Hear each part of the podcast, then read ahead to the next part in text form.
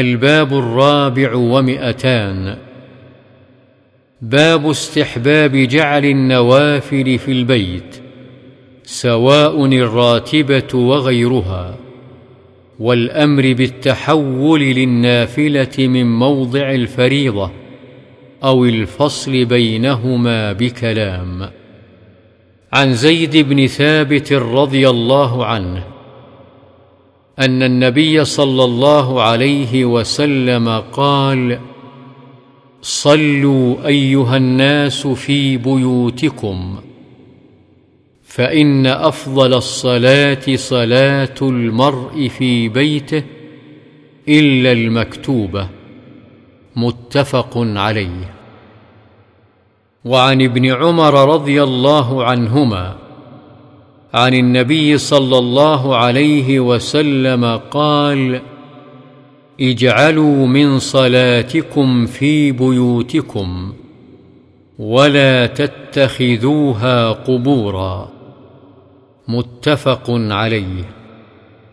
وعن جابر رضي الله عنه قال قال رسول الله صلى الله عليه وسلم إذا قضى أحدكم صلاته في مسجده فليجعل لبيته نصيبا من صلاته فإن الله جاعل في بيته من صلاته خيرا.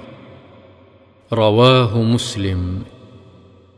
وعن عمر بن عطاء أن نافع بن جبير أرسله إلى السائب بن أخت نمر يسأله عن شيء رآه منه معاوية في الصلاة فقال نعم صليت معه الجمعة في المقصورة فلما سلم الإمام قمت في مقامي فصليت.